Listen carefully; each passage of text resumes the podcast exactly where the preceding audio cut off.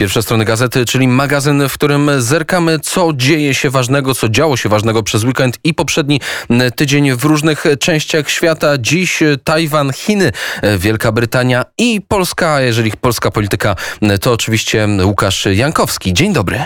Dzień dobry Państwu.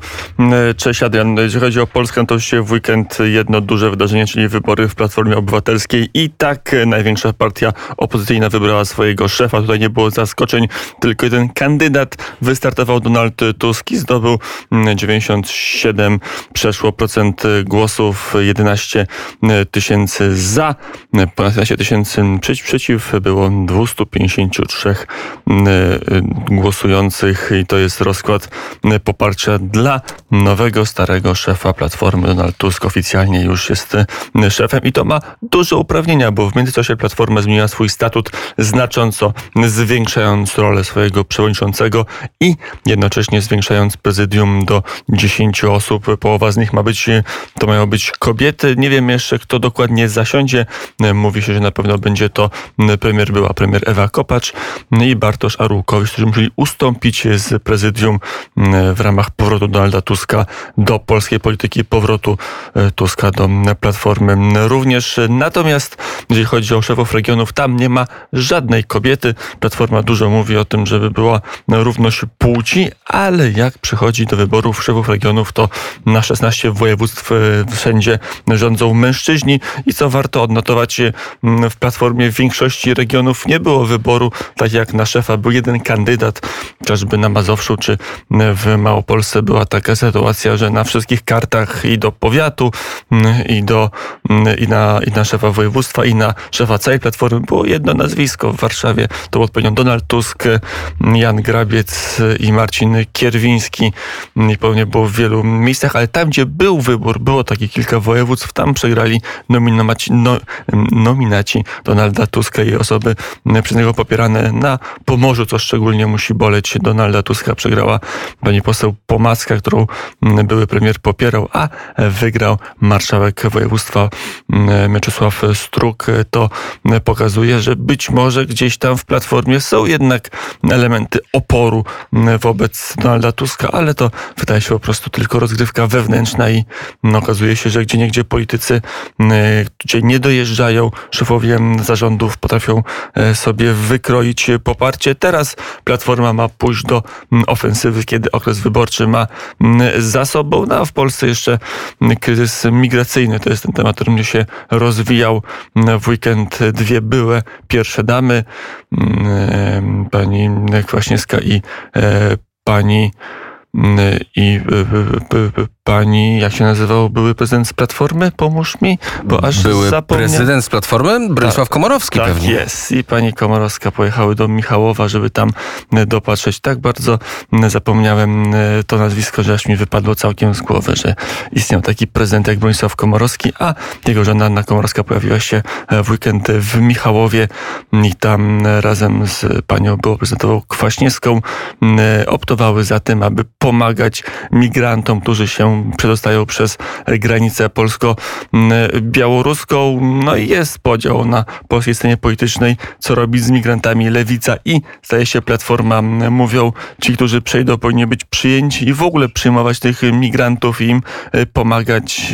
Prawica mówi, nie włączajmy się w akcję Aleksandra Łukaszenki, nie pomagajmy tworzyć szlaku przemytu ludzi. Zaczymy, która, która z tych tez bardziej przypadnie Polakom do gustu, bo będą za dwa lata wybory, to także będzie element do oceniania i to właściwie tyle, czym żyła polska polityka przez miniony weekend. Powiedział Łukasz Jankowski o tym, co... Poniedziałek o 7.30. Za co serdecznie dziękujemy. No cóż, y, takie nazwiska potrafią wypaść z głowy, szczególnie w poniedziałki, ale jedno nazwisko nie wypada mi z głowy, czyli Ryszard Zalski, nasz człowiek, nasz korespondent w Tajpej.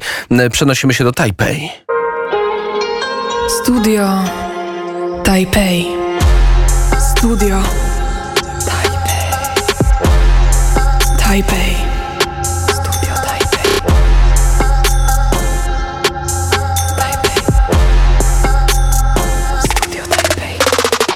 Tu miał być dżingiel pierwszych stron gazet, ale w poniedziałki dzieją się rzeczy różne. Taipei, Ryszard Zalski. Dzień dobry. Co na Dzień pierwszych dobry. stronach gazet? Dzień dobry. E, Dzisiaj jest wiadomość, która wprawdzie nie jest najnowsza, jest to jednak rozwojowa rzecz i stale powraca na pierwsze strony gazet. Co ważniejsze, ma ona dalekosiężne skutki dla globalnego handlu. Dotyczy mianowicie eskalującego sporu handlowego między Australią i Chinami. Początkowo dwustronne problemy chińsko-australijskie zataczały, zataczają obecnie coraz szersze kręgi. Prowadzą do zwarcia szyków państw zachodnich wobec komunistycznej partii Chin. Stosunki te między obydwoma krajami stale się pogarszały od 2018 roku, kiedy to australijskie władze wykluczyły Huawei Technologies z budowania sieci 5G. Uległy one dalszemu pogorszeniu wraz z wezwaniem w zeszłym roku przez premiera Scotta Morrisona do niezależnego dochodzenia w sprawie pochodzenia wirusa z Wuhan. I Pekin odpowiedział nakładając taryfy i restrykcje na import węgla, jęczmienia, homarów i wina. I tak w czerwcu rząd Australii zaskarżył rząd Chin e, w Światowej Organizacji Handlu WTO odnośnie taryf nałożonych w marcu na australijskie wina. Jest to tak zwane wezwanie do konsultacji. Celem wyjaśnienia tutaj krótko, że dumping to jest praktyka eksportu dóbr poniżej normalnych cen, co może być podyktowane chęcią zdobycia części rynku lub pozbycia się nadmiaru produkcji. I jest zabronione w ramach WTO i w razie wykrycia państwo importujące ma prawo nałożyć cła antydumpingowe. Co jednak jest w tej sprawie najciekawsze i dlatego dzisiaj ten temat poruszam, to, że znaczenie tego pozwu jest znacznie szersze niż by się na pierwszy rzut oka wydawało. Mianowicie, przed samą skargą władze australijskie upubliczniły ten zamiar podczas szczytu G7 w Cornwall w Anglii i uzyskały poparcie innych rządów. W efekcie czego członkowie G7 wydali wspólne oświadczenie, które ma wzmocnić presję na Chiny. Czyli skarga wniesiona jest wprawdzie przez Australię, reprezentuje jednak wiele pierwszoligowych państw Zachodu.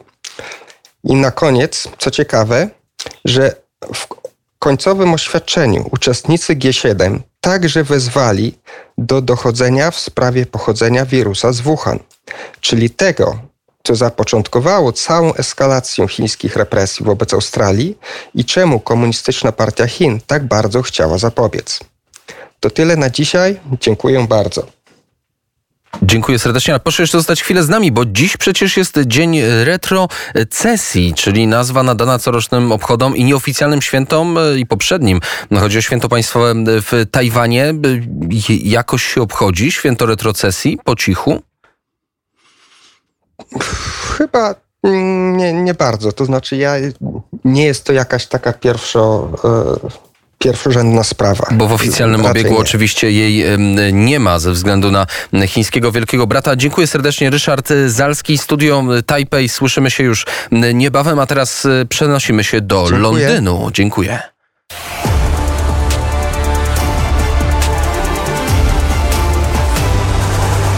Pierwsze strony gazet. A w Londynie jest e, Iza Smolarek. Dzień dobry Izo, co na pierwszych stronach gazet? Dzień dobry, dzień dobry Adrianie. Witam wszystkich słuchaczy Radia Wnet. No, pierwsze strony gazet dzisiaj są w miarę, w miarę spokojne. E, Być może dlatego, że ten weekend był też troszeczkę taki leniwy, ale ja nie wiem, Adrianie, czy mógłbyś się tutaj e, w Wielkiej Brytanii, przynajmniej w tej części Wielkiej Brytanii, gdzie ja mieszkam, napić porannej kawy, gdybyś Nie. chciał skorzystać na przykład z jednej z e, popularnych sieciowych kafejek. No właśnie, właśnie, widzisz, świąt nie było u nas, znaczy ma nie być. Em, nie było kierowców, a teraz okazuje się, że jest problem z kawą. Może nie tyle z samą kawą per se, ale z obsługą kawiarni. Dlatego, że okazuje się, że Brytyjczycy bardzo, bardzo niechętnie po tych 18 miesiącach pandemii, lockdownu, kiedy musieli pracować z domu, bardzo niechętnie wracają do pracy, więc nie ma kim obłożyć stanowisk. Kawiarnie otwierają swoje podwoje o wiele, wiele później, więc ten poranny spacer, chociażby na przykład do pracy, dla ciebie mógłby skończyć się, no nie chcę być e, złą wróżką, ale katastrofą. Takich katastrof my e, nie lubimy, szczególnie, że e, kawa z rana to dla niektórych podstawa. Ja akurat popijam to, to wszystkie informacje z Londynu? Nie, nie, nie, absolutnie nie, natomiast chciałam ciebie tak zszokować na początku. Jestem zszokowany, Tak, ale i tak właśnie. jest, jest poniedziałek rano, ja jestem wystarczająco zszokowany. Myślę, że podobnie jak nasi słuchacze, więc słuchamy dalej, co na pierwszych stronach gazet w Londynie. Oczywiście Wielka Brytania powoli i bardzo, bardzo powoli, zbyt wolno, jak zarzucają ekolodzy, przygotowuje się do szczytu klimatycznego w Glasgow, który już bardzo, bardzo niedługo. Został e, ogłoszony plan tak zwanej zielonej rewolucji, także mamy oprócz tej kawowej rewolucji tutaj na Wyspach także zieloną rewolucję. Plan zakłada tak zwaną zeroemisyjność, to znaczy Wielka Brytania nie będzie już zwiększać całkowitej ilości gazów cieplarnianych w atmosferze. Tutaj mamy akurat całkiem dobre osiągnięcia. Do tej pory w 2019 roku uwolniliśmy do atmosfery aż 40% gazów mniej niż na przykład w 1990 roku. To jest e, pozytywne.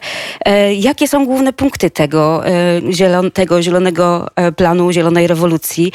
Otóż Wielka Brytania ma e, zamiar inwestować e, w farmy wiatrowe na morzu oraz e, w energię jądrową e, i rząd przeznacza na to e, 90 miliardów funtów. Em, Rząd w ten sposób zamierza stworzyć około 440 tysięcy nowych miejsc pracy. Haha, prawda? Czyli e, jeszcze większy będzie odpływ ludzi, którzy siedzą gdzieś tam e, za kontuarem i serwują tobie kawę, Adrianie, a wszyscy się przeniosą teraz szczęśliwie e, do nowych miejsc pracy, które e, gdzieś tam Boris Johnson kreśli e, palcem po niebie. E, 450 milionów funtów ma być przeznaczone na likwidację starych kotłów gazowych w domach i to mm, całkiem e, konkretne pieniądze. Osoby, które posiadają taki stary kocioł gazowy, czy tak zwany boiler, e, dostaną od rządu. e, W tej chwili planuje się około 5 tysięcy funtów na, na wymianę właśnie. E, Po 2030 roku nie kupimy już nowego auta z silnikiem benzynowym albo diesla, czyli bardzo ambitny plan, ale tutaj jest też taki kruczek prawny. Bardzo y, dziwnie i niepokojąco tajemniczo brzmi ta zapowiedź. Otóż 2 miliardy funtów rząd zamierza przeznaczyć na to, albo aby do 2030 roku połowa podróży w miastach odbywała się na rowerze lub, uwaga, pieszo. W tej chwili e, to brzmi dość e, sarkastycznie, ponieważ e, bardzo często tutaj metro nie działa, autobusy nie jeżdżą. Wszystko jest powodem właściwie do tego, żeby metro stanęło. No a te 2 miliardy funtów to brzmią tak trochę złowieszczo, przeznaczone na chodzenie po ulicach pieszo. Brzmi ciekawie. 2 miliardy, aby, 2 miliardy, aby chodzić pieszo. O tym mówiła Iza Smolarek, Wielka Brytania, Studio Londyn. Dziękuję serdecznie za ten przegląd pierwszych stron gazet. I do usłyszenia. Serdecznie dziękuję i do usłyszenia. Dziękuję, do usłyszenia. Skoro po angielsku, to za chwilę Mark Wolf, czyli polski Marek Wilk, ale najpierw... Reklama.